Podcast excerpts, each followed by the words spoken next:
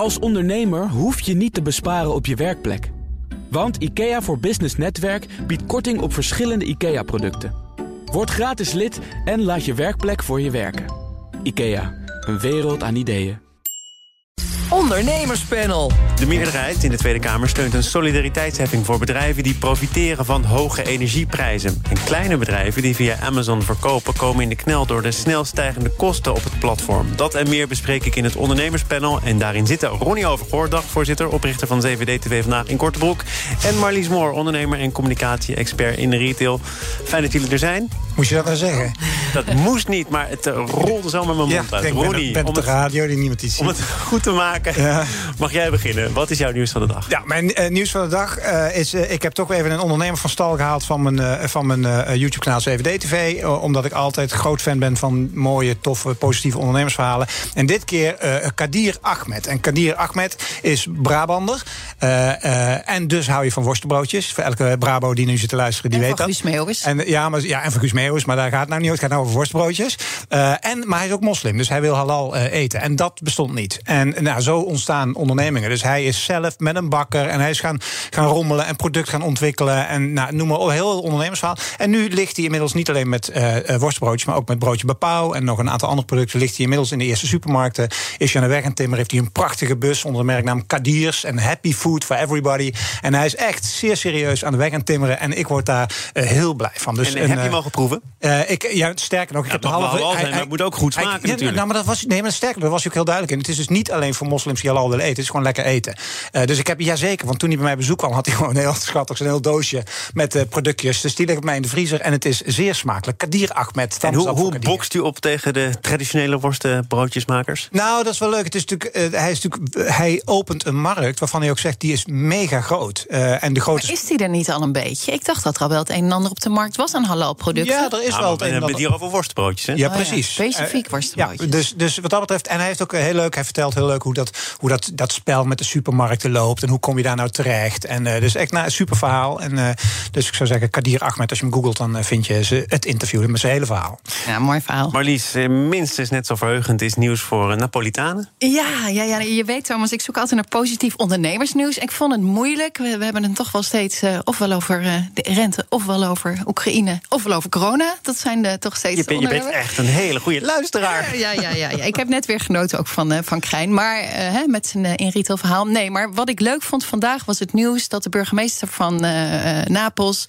besloten had dat het afgelopen moest zijn met eh, kleedjes kloppen en was buiten hangen. En dat de hele bevolking in opstand kwam. Hij heeft met de hand over zijn hart gestreken. En de kleedjes, dat mag niet meer, maar de was mag blijven hangen. Wat een dus dat vond ik toch wel eigenlijk nieuws wat een glimlach bracht. Weet je, En dat is ook polderen kunnen ze in Italië blijkbaar ook. Ja. Even in, in het algemeen, want wat jij zegt... ik probeer toch altijd wel positief nieuws mee te nemen... het is me deze keer niet gelukt. Uh, Ronnie, heeft Marlies niet goed opgelet? Of is het nou eenmaal moeilijk om in deze tijd nog iets optimistisch te vinden? Zeker wel. Alleen dan, dan moet je misschien niet, dan moet je niet uh, alleen maar in het nieuws gaan zoeken, zeg maar. Dus, dus ik merk ook wel dat ik ze nu en dan gewoon het nieuws even laat voor wat het is. En als je dan gewoon met je onder. Want als ik met jou, ik heb je net hier voor de opname hebben we voor tien minuten zitten praten. En jij bent allemaal toffe dingen aan het doen, weet je wel. Dus als je het wat kleiner pakt en je kijkt in je eigen omgeving wat er allemaal gebeurt. En zeker voor ondernemers, uh, is er, zijn, er liggen er altijd kansen en is het leven altijd mooier. Nee, weet je dat wel? weet dus, ik ook uh, wel. Dat weet maar ik de ook grote wel. lijnen op dit moment zijn wel. Er gebeurt wel het een en het ander. Dus je moet je niet. Er is echt wat aan de hand. Laten we, hè? Maar- ja. ik ga nog steeds met een glimlach elke ochtend eh, op pad hoor. No worries, no worries. Dan naar uh, Den Haag. Een Kamermeerderheid steunt een solidariteitsheffing voor bedrijven die profiteren van de hoge energieprijzen. Het gaat dan om een belastingaanslag, maar in welke vorm? Dat is nog even de vraag. En dit soort solidariteitsheffingen, crisisheffingen, de winnaars proberen af te romen om de verliezers te compenseren. Dat speelt al sinds corona. Uh, Marlies, is dit een goed moment om dat toch weer eens eventjes ter sprake te brengen? Ja, ik, vond het wel ik vind het wel een lastig onderwerp. In eerste instantie denk ik dat iedereen roept ja, goed plan. Klinkt heel, heel, heel eerlijk en solidair. Maar als je dan door gaat denken, ja, maar hoe dan? En even gekeken vanuit ondernemersperspectief. een ondernemer neemt risico's en een ondernemer grijpt kansen. En in hoeverre moet je afgestraft worden voor kansen die door variabele buiten om? Maar dat is eigenlijk altijd zo in de markt. Maar is een gestegen olieprijs een kans die je grijpt? Is daar uh, vernuftig ondernemerschap dat, voor nodig? Dat is een goede vraag. Kijk, even de andere kant. Ik, vind het, ik ben het totaal ermee eens dat we de mensen die dat nodig hebben ondersteunen. Hè. Als we praten over die, die toeslag, of die ofwel gekoppeld aan die zorgtoeslag, op welke manier. Dat vind ik allemaal waar. Waar het dan door betaald moet worden? Um, dat is deze vraag. Ik vind het lastig. Ik vind het echt lastig. Want hoe ga je dat bepalen? Hoe, hoe ga je. Nou, dat. Ik, ik, vind, ik, ik zou het niet doen. Want ik bedoel, volgens mij die Belastingdienst die stort al in, zo'n beetje. Dus ik zou vooral niet met nog meer nieuwe regelingen. Wat ik wel interessant vond in de voorspring die ik had met de redactie. Ik zei, in, in Engeland noemen ze de windfall tax, geloof ik. Hè? En, dan, dan praten ze over extraordinary profits. Ik vond het wel een interessante discussie. Kijk, waar ik, waar ik wel eens over zou willen discussiëren. Ik ben geen belastingexpert en zo, hè, maar en ik ben ook een liberaal, laat ik dat voorop stellen. Maar toch, hè. Dat is, We kunnen het kort houden, geloof ik. Nee, nee, nee. nee maar er zijn, er zijn bedrijven die draaien heel veel winst. En dan bedoel ik niet zozeer absoluut als relatief. Dat vind ik wel een interessante discussie. Moet je niet, eh, zeg, maar, zeg maar, hele hoge EBITDA's eigenlijk. Dus bedrijven die waanzinnig veel, procentueel waanzinnig... Mhm. dat je die top gewoon constructief uh, hoger uh, een soort variabele belasting op, uh, ja, maar op dat heel is veel winst. wel een andere discussie. Dat je zegt gewoon. Ja, maar dan gaat er ook. Kijk, uiteindelijk de belasting. Kijk, Nederland, de overheid moet gewoon geld hebben. Dus linksom of rechtsom moeten ze het binnen zien te harken. Maar dan heb ik liever doe het dan op een constructieve manier. In plaats van weer een soort pleister die dan. Maar dat is dan onafhankelijk van omstandigheden die die winst misschien wel kunnen verklaren. er zijn bedrijven, misschien kun je er wel een paar noemen. Die maakt niet uit of het nou waait of niet waait. Of er corona is of die niet. Die gewoon heel veel. Ja, die, die echt jongens die draaien een winst. Die jongen procentueel. Dat is echt mega. Dan gaan producten 16.000 keer over de kop. Maar is het niet gewoon het uh, belonen van ondernemerschap? Als het je lukt om uh, met een dienst of een product heel veel winst te realiseren? Ja, maar ik heb de laatste tijd met steeds meer ondernemers wel eens de discussie dat de extremiteiten die worden wel steeds extremer. De verschillen uh, worden groter en je zou dat best iets, iets, iets terug kunnen brengen. Dus ik vind dat helemaal geen slecht idee. Maar even terug naar dit verhaal. Ik vind het ook heel lastig. Over welke periode ga je dan praten? Vanaf welk moment speelt uh, dat je dan die exorbitante winst hebt gemaakt. En hoe ga je dat doen? Want ik las in het verhaal in Engeland. Uh, aan de ene kant wordt BP dus uh, op die winst gepakt, zeg maar. Maar aan de andere kant wordt het investeringsklimaat aantrekkelijker gemaakt. Dus dan, dan ga je toch een beetje vestzak, broekzak. Je gaat toch bij het ene potje moeten ze wat inleveren... en het andere potje krijgen ze hem terug. Ja, dus in die zin schiet je er niet zo heel veel mee op, ja, zou je zeggen. Als je het allemaal aftrekt en bij elkaar optelt... dan kom je op netto misschien wel nul uit, weinig effecten. Maar over die, die winstbelasting, dat wordt dan toch ook tegelijkertijd meegenomen in het uh, debat. Uh, GroenLinks-leider Klaver zei daar het volgende over in bijzondere gevallen. Dus als jullie je koptelefoon kunnen opzetten, heel graag dit. En daarbij kan je er misschien aan denken, zoals ook het CDA in het verkiezingsprogramma had staan... een tijdelijkere, forsere verhoging nog van de VPB. Dat is wat de Partij van de Arbeid en GroenLinks voorstellen. Dat is een manier om ervoor te zorgen dat de 5% meest winstgevende bedrijven... dat is dus niet iedereen... maar de 5% meest winstgevende bedrijven... dat die een extra bijdrage gaan betalen. En ik vind dat we die stap moeten zetten. Zie ik hier nou een heel heftig uh, nee-schuddende nee, Ronnie omdat... Terwijl je net nog zei, er zijn nou eenmaal bedrijven... die heel veel winst realiseren en daar zou je eens goed naar moeten kunnen kijken. Ja, maar ik vind ook dat het gros van de ondernemers in Nederland... Eh, echt, echt het grote, grote gros zijn MKB-bedrijven. zijn gewoon kleine bedrijven. Uh, en die tikken genoeg af. Dus Klaver heeft het hier over de top 5 Ja, hij heeft het echt procent. Ja, maar dan moet, ja, maar dan moet je niet, dan moet je niet, dan moet je niet alle VPB gaan verhogen. Snap? Daarom dat ik zeg, je moet naar de, zeg maar, naar de bovenkant kijken... naar de extremiteiten qua schaalgrootte en qua percentages. En blijf nou af van het MKB, want dat werkt zich de schompers.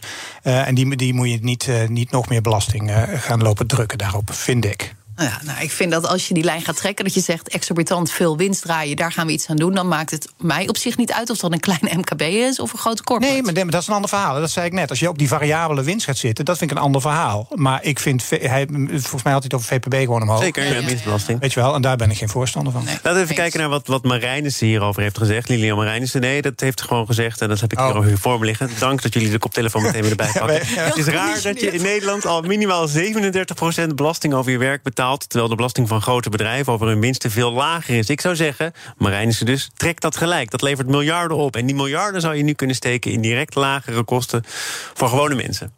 Ja, SP-standpunt. Maar dat mag ook hier gewoon de revue passeren, toch? Een SP-standpunt. Zeker, ja, maar ik bedoel, het, het, is een beetje logisch als zij het zegt. Het, het klinkt uh, vrij simpel. Uh, nou ja, ik, kijk, niet, uh... ik, kijk, dan ook weer even als een, als, een klein, als een kleine ondernemer, dan is winst in de BV leuk, maar 9 van de 10 keer stop je dat weer in de zaak. Dus ja. dat, is, dat is wat anders dan netto salaris. En als je dat ook eens een keer, laat ik als je er netto salaris van wil maken, dan, dan is het niet alleen de VPW, want dan gaat de dividenden dan een keer overheen en dan kom je ongeveer op hetzelfde uit. Dus, uh... We gaan naar het echte hele grote bedrijfsleven, Amazon. Zo. BNR Nieuwsradio. Zaken doen. Thomas van Zeil. Het ondernemerspanel is de gast Ronnie Overgoor, dagvoorzitter, oprichter van CVD-TV... en Marlies Moor, ondernemer, communicatie-expert in de retail. Kleine ondernemers die producten verkopen via Amazon... komen steeds meer in het nauw vanwege de snel stijgende kosten van een platform. Met name de advertentiekosten zijn in de voorgaande jaren flink gestegen... blijkt uit onderzoek van 5X, een bedrijf dat softwarediensten verkoopt aan ondernemers... op marktplaatsen zoals Amazon. Uh, misschien dat jij deze wereld ook wel wat beter kent, Marlies. Want je komt er op Amazon ook beter voor te staan naarmate je meer adverteert. Dus je zit in een fuik. Ja, hun algoritmen zorgen ervoor hè, dat je, uh, als je betalende uh, klant voor hun bent, dan kom je gewoon eerder naar boven. Zo simpel is het. Het is een vrij gangbaar model, toch? Ja, heel gangbaar model. Aan de andere kant, kijk, Amazon is natuurlijk een van die, van die, van die zes hele grote jongens die um, wel, vind ik, dan toch heel erg bepalend en het voelt bijna een beetje als machtsmisbruik uh, voor de wat kleinere ondernemers gaan doen. En ja, ook hierbij weer twee kanten. Die ondernemer kan ervoor kiezen om geld te investeren in advertising, waardoor die eerder omhoog komt. Mm. Dat is een keuze. Of je mm. kan zeggen van, ja, is, klopt mijn hele uh, ja, Maar jij zegt hier, het is een keuze. Tegelijkertijd schets je in het beeld van een bedrijf... dat zich als monopolist opstelt. Ja. En dan nou, dat is, dat is wat me een beetje irriteert aan de ene kant. Aan de andere kant, er is natuurlijk op dit moment nog wel wat uh, concurrentie waar ze mm naartoe over kunnen stappen. Mm uh, en ik, dat was ook een van de dingen die ik uh, even opzocht: van wat doet bol.com wat dat betreft, wat een Alibaba, et cetera.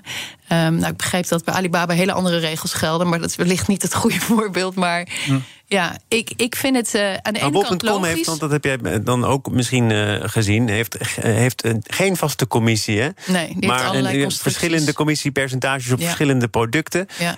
Kan dus ook behoorlijk in de papieren lopen, neem ik aan. Ja. Zou dat dan beter zijn? Um, ja, ik heb daar onvoldoende zicht op of dat echt eerlijker gaat. Dit voelt gewoon op, een bepaalde manier niet helemaal eerlijk. Dat alleen de, de grote jongens gaan overleven. Nee, ja, weet je, ik denk dat bol.com absoluut vriendelijke voorwaarden heeft. Alleen met Amazon is natuurlijk als je internationaal wil scoren... dan is Amazon natuurlijk een mega groot platform. Aan de andere kant, ja, aan de ene kant voel ik dat max blok... weet je wat Amazon is. Tegelijkertijd kies je ervoor als je als ondernemer op gaat handelen. Ja. En ten tweede was het ook wel heel makkelijk. Hè. Ik bedoel, we kennen allemaal de filmpjes van even dropshippen... en ik ben de 18.000ste ondernemer die wc-borstels gaat verkopen... met nul toegevoegde waarde. Ja. Je koopt het goedkoop in China, je pleurt het op Amazon en hey, je bent een succesvol ondernemer. Maar denk je dat de consument hier beter van wordt? Eh, ik denk het uiteindelijk wel. En ik, ik vind met name interessant dat, uh, dat ik, kijk nogmaals, dat maxmiddel, of dat, het max vacuüm wat, wat Amazon heeft daar gelaten. Ik denk dat het als ondernemer interessant is om te kijken waar ligt mijn toegevoegde waarde. En als dat alleen maar het inkopen van, even metaforisch, van de playborstel is, mhm. die daarna op Amazon pleurt. Ik bedoel, ga een relatie aan met je klanten. Voeg daadwerkelijk waarde toe. Zoek een niche die er nog niet is. Weet je wel? Dus oftewel, word ondernemer in plaats van YouTube-filmpjes kijken en uh, yo, ik ga ook dropshippen. En nee, maar daar ben ik het helemaal met je eens. Aan de ene kant is dat ondernemerschap dus dus als dit de voorwaarden zijn, hè, of je gaat mee, of je, je zoekt een alternatief voor je eigen business, om het op een andere manier naar boven te brengen. Maar dat schuren van die hele grote jongens irriteert me ook wel een beetje. Ja. Dat, Want eh, jij zegt, je antwoord, uh, ga, ga vooral inzetten op toegevoegde waarde. Maar je begint ermee, ja, de, de machtspositie van Amazon even daar gelaten. Maar dat is toch juist door deze Nee, maar dat zijn twee verschillende dingen. Ja, nee, maar de, de machtspositie van Amazon is groot. Maar ja, je kiest er wel voor. Toch? Je ja, wordt niemand heb je, verplicht. Heb je wat te kiezen? Natuurlijk heb je wat te kiezen. Hallo. Iedereen heeft wat te kiezen. Je hebt in het leven altijd wat te kiezen. En voor een lul. Ik bedoel, er zijn ondernemers. Oké, oké. maar dat is, dat is ook filosofisch natuurlijk. Nee, het is niks filosofisch. Als jij ondernemer bent en je bent internationaal ondernemer. Ik ken duizenden ondernemers die internationaal ondernemen, super succesvol en die niet afhankelijk zijn van Amazon. Omdat ze een beter product aanbieden, een betere Bijvoorbeeld, of omdat ze een betere relatie hebben met klanten... of omdat ze een ander businessmodel hebben... of omdat ze inzetten op meerdere uh, kanalen dan alleen maar op Amazon. Er zijn natuurlijk ook jongens die daartussen lopen... die bij Amazon zitten en die daar net... Dat, het is niet zo makkelijk. Het is makkelijker gezegd dan gedaan. Want het, ik weet ook niet hoe ze erin gestapt zijn, hoe het toen was. Ik heb begrepen, in twee jaar, vijf jaar tijd is het verdubbeld. Die, uh, die, die commissie was hetzelfde, ja, die 15 procent en die 4 procent advertenties. Er zaten meerdere percentages in dat onderzoek. Het ging er ook over in hoeverre die advertenties nu verantwoordelijk zijn... voor de omzet van Amazon. Mhm. En dat neemt ook toe. Eh, en dat komt voor een deel omdat het percentage dat ze rekenen aan hun eigen klanten ook weer is gestegen. Maar zo heeft Amazon niet, ik nog ben geen uh, expert met Amazon, maar hebben zij niet een eh, kanaal waar al dit soort partners uh, hun ei kwijt kunnen en waar dit soort dialoog plaatsvindt intern? Of zijn het echt de, nou. grote boemannen van Amazon die zeggen: boeien, zoek het allemaal maar uit? We weten er te weinig van, maar mijn indruk is het laatste. Oh ja dat is niet goed, hè, Thomas? Dat zou niet goed zijn, maar ik heb het ook niet helemaal nagelezen, jongens. Dus dan maar het volgende onderwerp. Ehm, de zomergolf, als hij eraan komt, ja, misschien niet het meest geliefde onderwerp. Zeker niet voor dagvoorzitters. Hoe gaat het met je agenda? Nou, het zou je om te beginnen heb ik, ik ben een beetje boos geworden op het FD. Mag ik dat zeggen of niet? Ga je nou de- met een schuifje naar beneden? Nou, je gooit meestal zelf je microfoon al op de grond. Ja, dat gebeurde net. hè, Maar dan was het puur enthousiasme. Nee, luister. Ik bedoel, ze- even zo meteen over COVID... wat er allemaal aan de hand is of niet of whatever. Maar ik lees gisteren of eergisteren... Ik lees het FD, ik ben natuurlijk trouwe lezer, dat dan weer wel, hè. Dus digitaal trouwens, Thomas. Dus ik lees dat. En ik lees het artikeltje op pagina 3... en er staat evenementen worden gecanceld... en met het kopje over COVID, hè, de eerste zin... evenementen worden afgelast. Ik denk, what the fuck, evenementen worden... Ik, dat, dat is mijn handel, daar zit ik in. Er wordt helemaal niks afgelast, helemaal niks. een dag later snap ik het. Want wat was de context? De ene Mick Jagger die treedt hierop... en die is positief Ja. getest... en dus wordt zijn concert afgelast. Maar zonder enige context. En dan help je als FD dus gewoon keihard mee aan gewoon paniekzaaierij. Eh, en dat lijkt me voor niemand goed. dus dat, gezegd hebbende. Met de pers. Ik bedoel, ze schrijven. Nee, maar over dit vindt nee, maar niet de FD. Ik schrok echt. Ik denk, evenementen worden afgelast. Ik denk, wat heb ik gemist, jongen? En ik research doen en alles. Maar dan bleek het dus te maken te hebben met dat ene concert. Maar, en er wordt dus niks afgelast. Nee, er wordt helemaal niks. Nee, maar de stering druk. Dus eh, de branche die eh, gaat als een jekko. Dus. Ja, die branche, daar wil ik het over hebben. Want eh, de branches, de sectoren, hebben het ook voor een belangrijk deel voor het zeggen. Ja. Eh, dat is ook eh, het standpunt van minister Kuipers. Nou, als ik op toneel kom, dan weet je het wel. Dan is het echt code zwart en dan moet er van alles gebeuren. Maar liefst luister ik naar de plannen van de sectoren. En die zijn er ook mee bezig geweest. Maar de critici zeggen dan, ja, maar die plannen van sectoren... dat weten we nu wel, die waren er de afgelopen twee, drie jaar ook. En er gebeurde eigenlijk heel weinig mee. Ja, maar er werd ook slecht naar geluisterd. Nou, dat bedoel ik. Er werd slecht naar geluisterd. Ja. Denk je dat er deze keer dan beter naar geluisterd Ja, wordt? denk ik wel. En ik hoop het ook echt. Want ik, ik, ik vind echt gewoon open blijven met alles wat we hebben. Met bescherming van de kwetsbaren. Ja, dat vindt Eh, iedereen gewoon open blijven. Dat vind ik ook. Ja, nee, maar ik, ik ben daar echt van overtuigd. En kijk, onderwijs is op zich heel goed eh, voorbereid. Ik denk dat heel veel horeca heel goed was voorbereid. Eh, eh, gewoon de, de detailhandel was goed voorbereid. Het kan echt allemaal wel. Ik hoorde Krijn er net ook nog even over. Ehm, ze zijn, het moet gewoon door kunnen. Je moet kijken naar doorstroming. Je moet kijken naar hoe lang is iemand in een winkel, hoe dicht staat. Maar laten we alsjeblieft gewoon doorgaan. Dus dat wat Kuipers zegt, ja. Nou, we hadden het ook even over de GGD. Eh, die kon, geloof ik, 300.000 eh, vaccinaties per week zetten en snel opschalen. Ehm, ik denk wel dat, eh, dat we het gaan. Dat we het kunnen We redden. gaan er zo meteen over door. Er komt nu een eh, binnengekomen bericht over de Franse bank BNP Paribas zou interesse hebben in de overname van ABN AMRO. Zodra wij contact hebben met mensen die ons daar meer over kunnen vertellen, dan zullen we dat contact ook leggen en de luisteraar, jullie dus, laten horen. Ehm, maar eerst nog eventjes de, de zomergolf, het luisteren Ja. naar sectoren daarin. Ja. Eh, veel sectoren hebben blijkbaar ook aangedrongen op mocht het nodig zijn, het herinvoeren van het corona-toegangsbewijs. Daarover zei minister Kuipers, koptelefoon op, het volgende. Dat is nu op dit moment niet, maar we hebben echt een discussie ook over met de Kamer. Eh, stel dat dat zou zijn. In de eerste, die eerste tranche aanpassing van een wet op een publieke gezondheid zit niet de mogelijkheid om zo nodig weer een coronatoegangsbewijs in te zetten. Maar als de roep vanuit sectoren daar breed om is, ja, dan zullen we daar een gesprek over moeten voeren. Verbaasd hoor niet dat dit toch weer eh, vrij snel naar voren wordt gebracht? Ehm, nee, niet zozeer verbaasd. Wat mij wel opvalt is dat het een beetje bekvechterij is op dit moment. Als je het nieuws volgt. Dus de, de, de overheid zegt dat de sectoren niks doen. En de sectoren die zeggen Iedereen dat de overheid niks doet. Iedereen naar wijst naar elkaar. Ik, eh, ik kan dan alleen. Ik bedoel, ik zit niet in de horeca. Ik zit in de evenementenwereld. Daar hebben we met name, hoe heet ze, van Ahoy, die daar een, vanuit. Jolande Jansen? Ja, Ja. die.